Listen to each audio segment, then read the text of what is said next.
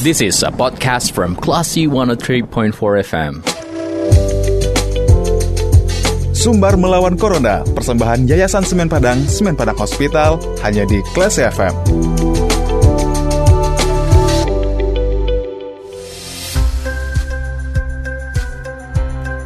empat kelas FM Kelas People di Sumber Melawan Corona dipersembahkan oleh Yayasan Semen Padang, Semen Padang Hospital. Saya Lia Priyanka.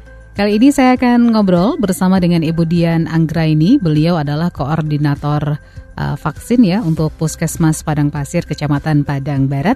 Langsung saja kita sapa beliau. Bagaimana sih sebetulnya cerita vaksinasi ratusan wartawan yang dilakukan hari ini? Selamat sore, Assalamualaikum Ibu Dian. Waalaikumsalam warahmatullahi wabarakatuh Ibu Dian. Gimana kabarnya Bu? Sehat? Alhamdulillah sehat. Hari ini sudah memvaksinasi berapa orang Bu Dian? Hari ini kita di kantor gubernur tadi ya Bu ya, oh, wartawan sebanyak 126 orang. Oke. Okay. Uh, hmm, jadi di puskesmas kita ada 31 orang. Hmm, jadi uh, untuk hari ini Ibu ditugaskan ke aula kantor gubernur ya untuk iya, vaksinasi iya. wartawan ya. Oh iya. Boleh cerita Ibu ada berapa wartawan yang sudah terdaftar dan yang kemudian berapa yang berhasil divaksin? Oh, wartawan tadi oh, totalnya di 142. Itu yang mendaftar atau yang berhasil divaksin Ibu? yang mendaftar. Oke, okay. apakah semuanya berhasil divaksin setelah tidak, melewati screening? Tidak, yang divaksin hanya 126. Faktor tidak bisa divaksin apa Ibu untuk hari ini wartawan yang tadi sudah di screening? Oh, ya, tadi satu yang tim di Padang Pasir tadi satu memang belum masuk tiga bulan penyintas COVID. Oke. Okay. Untuk vaksinasi penyintas COVID itu uh, setelah tiga bulan dari sembuhnya baru bisa divaksinasi. Oh begitu ya untuk aturan medisnya iya. ya? Iya. Kemudian ada satu lagi memang kondisi fisiknya uh, tidak stamina-nya tidak baik untuk hari ini. Tidak baik ini maksudnya apakah tidak, sakit atau bagaimana ibu? Uh, tidak sehat. Tidak sehat? Keletihan, iya, sedang keletihan. Tidak tidur semalaman tidak ada. Itu kita dulu dan suhunya agak tinggi. Oke. Okay. Demam istilahnya. Mm -hmm. Untuk okay. yang lainnya kira-kira apa lagi Bu? Uh, kondisi screening sehingga diputuskan untuk tidak divaksin? Tadi yang tim Ulak Karang ya itu kurang tahu juga saya yang Ulak Karang tadi itu. Biasanya itu demam atau ada batuk flu atau tekanan darahnya tinggi saat itu. Oke. Okay. Yang tidak boleh. Uh -uh.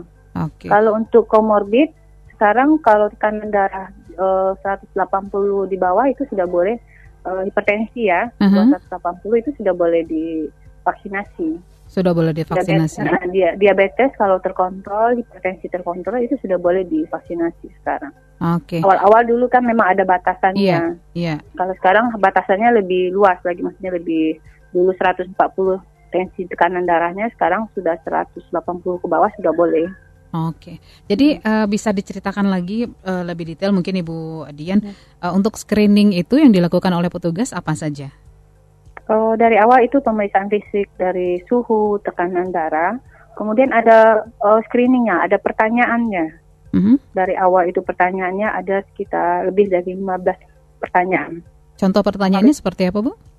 Uh, apakah pernah menderita uh, COVID-19? COVID-19? Mm-hmm apakah punya penyakit komorbid, apakah dalam tujuh hari ini uh, ISPA, ada infeksi saluran pernafasan, Oke. Okay. Apakah punya penyakit riwayat penyakit asma gitu. Mm -hmm, mm -hmm. Itu rata-rata. Kalau hmm. salah satunya ada tuh nggak boleh begitu bu? Uh, nanti kita kan ada dalam tim kita itu ada dokter. Mm -hmm. Berarti dokter yang menentukan apakah uh, bisa divaksinasi hari ini apa tidak. Dia ada 15 pertanyaan. Oke, baik. Jadi hmm. uh, setelah di screening baru kemudian uh, kalau dinyatakan lulus dari screening apalagi uh, step berikutnya? Kita kita vaksin kan uh, pendaftaran dulu ya, melengkapi identitas hmm. dulu. Hmm. Kemudian screening ada pemeriksaan tekanan darah, suhu dan juga menjawab pertanyaan. Kemudian uh, baru ke meja tiga, meja vaksinasi itu diberikan vaksin oleh petugas vaksinatornya. Uh, kalau sekarang kita pakai Sinovac. Ah, okay. ya, oke okay, itu di lengan di lengannya kalau istilah medisnya intramuskular lengan kiri atau mm -hmm. lengan kanan. Mm -hmm. Kemudian setelah divaksinasi itu pasiennya diobservasi dulu setengah jam. Apakah ada uh, efek sampingnya atau bagaimana ya, gitu ya? Ya, itu setengah jam baru mereka boleh uh, keluar dari ruangan uh, vaksinasi. Oke. Okay. Setelah setengah jam. Oke, okay, baik. Nah, uh, untuk pelaksanaan vaksinasi hari ini, kira kira-kira gimana menurut Ibu antusiasnya? Oh, bagus sekali. Uh, kami sebagai vaksinator juga senang wartawannya ini ya ceria, semangat. Seru ya. berarti ya Bu ya? Iya, biasanya kan nyuntik lansia, tenang ya datar ya lansia lah namanya ya. Mm-hmm. Ini wartawan mm-hmm. muda-muda semangat semuanya. Ada yang jahil kita juga ikut. Hah? Ada yang jahil gangguin gitu bu? Jahil jahilin temennya, nggak jahilin saya. Oh, Kalau gitu. saya mah saya pegang jarum kan nggak bisa oh, juga iya. mereka jahilin saya. Jadi mereka jahilin temennya yang agak-agak takut gitu ya. Uh-huh. Makin di kalau istilah orang Minang makin nyupa takwi kawannya yang takwi uh -huh, uh -huh. Mm -hmm. Jadi seru gitu lah ya, ya jadinya ya wartawannya semangat. Jadinya alhamdulillah uh, fisiknya bagus-bagus. Alhamdulillah tadi tidak ada yang ada keluhan setelah vaksinasi tidak ada, insya Allah. Oke. Okay. Kalau tadi Ibu sempat menyinggung lansia, biasanya kalau lansia ada ada efek samping nggak? Kelihatan nggak Bu perbedaan umur uh, dengan vaksinasi ini? Sejauh ini kita uh, sudah banyak juga menyuntik lansia baik uh, imunisasi massal uh, di tempat yang ditentukan atau di puskesmas juga. Alhamdulillah kita juga tidak ada uh, reaksi yang uh, dikatakan berat ya. Uh-huh. Hanya ada satu dua itu mungkin pusing sedikit atau mual sedikit, tapi tidak ada yang berat. Kalau di kita namanya kejadian ikutan pasca imunisasi TB berat, insya Allah -hmm. belum ada. Oke, okay, jadi uh, masih dalam batas uh, wajar. -hmm. Misalnya kalau merasakan yeah. pegal, merasakan sedikit mengantuk, yeah. gitu ya, bu ya? Iya, wajar. Oke, baik. Mm -hmm. uh, suka duka ibu sebagai vaksinator boleh cerita ibu? Vaksinator, uh, karena memang udah pekerjaan sehari-hari, rasanya kita enjoy saja menikmati kegiatan ini memang sudah tugas. Cuman untuk uh, khusus untuk vaksinasi COVID ini karena banyak sasaran yang sangat banyak ribuan, mungkin agak uh, apa namanya lelah sedikit saja itu saja. Uh-huh. Uh, Alhamdulillah masyarakat yang datang itu antusias sehingga kita juga tidak begitu susah untuk mengedukasinya karena mereka udah mau sendiri nih udah datang udah mm-hmm. menyerahkan diri sendiri saya mau vaksin. Iya, iya. Jadi iya. uh, ibaratnya sosialisasi yang dilakukan oleh pemerintah selama ini sudah iya. berhasil begitulah iya, Ibu ya. Iya, alhamdulillah ya. Oke. Okay. Rata-rata berapa vaksin sehari Ibu selama Ibu bertugas? Oh, kalau kita untuk padang pasir sekitar 100 120 satu hari. Wow, lumayan banyak ya. Iya, kita buka pelayanan di puskesmas Selasa, Rabu, dan Sabtu. Ada target uh -uh. per harinya, Bu?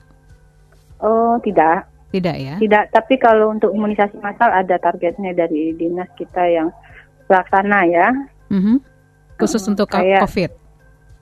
Iya, vaksin COVID itu untuk lansia. Kemarin itu dua hari di HBT ya, HBT Senin Selasa itu dengan tim yang lain ya Bu ya, bukan mm -hmm. Padang Pasir saja. Mm -hmm. Itu dengan Dinas Kesehatan Kota itu dua hari kurang lebih 1.400 targetnya lansia.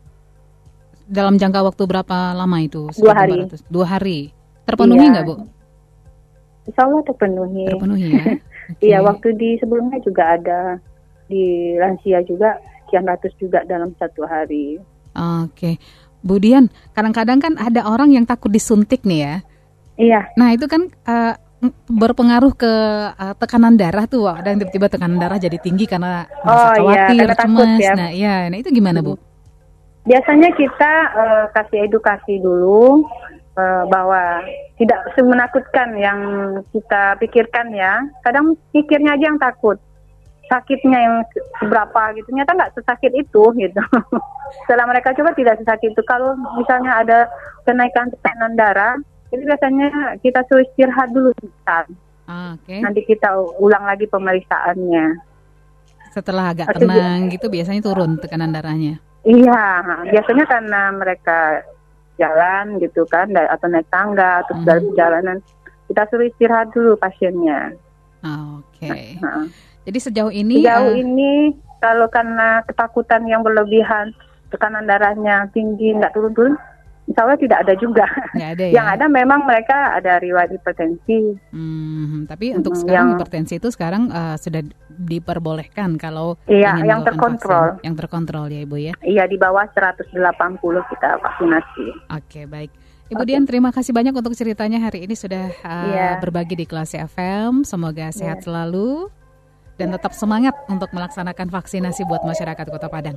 Insya Allah memang sudah tugas dan kewajiban. Baik Ibu, terima kasih. Semoga masyarakat semuanya kami menghimbau jangan takut untuk vaksinasi karena vaksinnya dijamin oleh pemerintah dan juga uh, untuk saat ini masih disediakan oleh pemerintah. Oke, baik kalau begitu. Terima kasih sekali lagi. Assalamualaikum. Selamat sore, Ibu Dian. Selamat sore. Waalaikumsalam warahmatullahi wabarakatuh. Demikian kelas people obrolan saya bersama dengan Ibu Dian Anggra ini, koordinator vaksin. Terima kasih. Anda sudah mencermati program Sumber Melawan Corona, persembahan Yayasan Semen Padang, Semen Padang Hospital. Anda juga bisa mencermati podcast obrolan ini di www.classfm.co.id atau download aplikasi Class FM. This is a podcast from Classy 103.4 FM.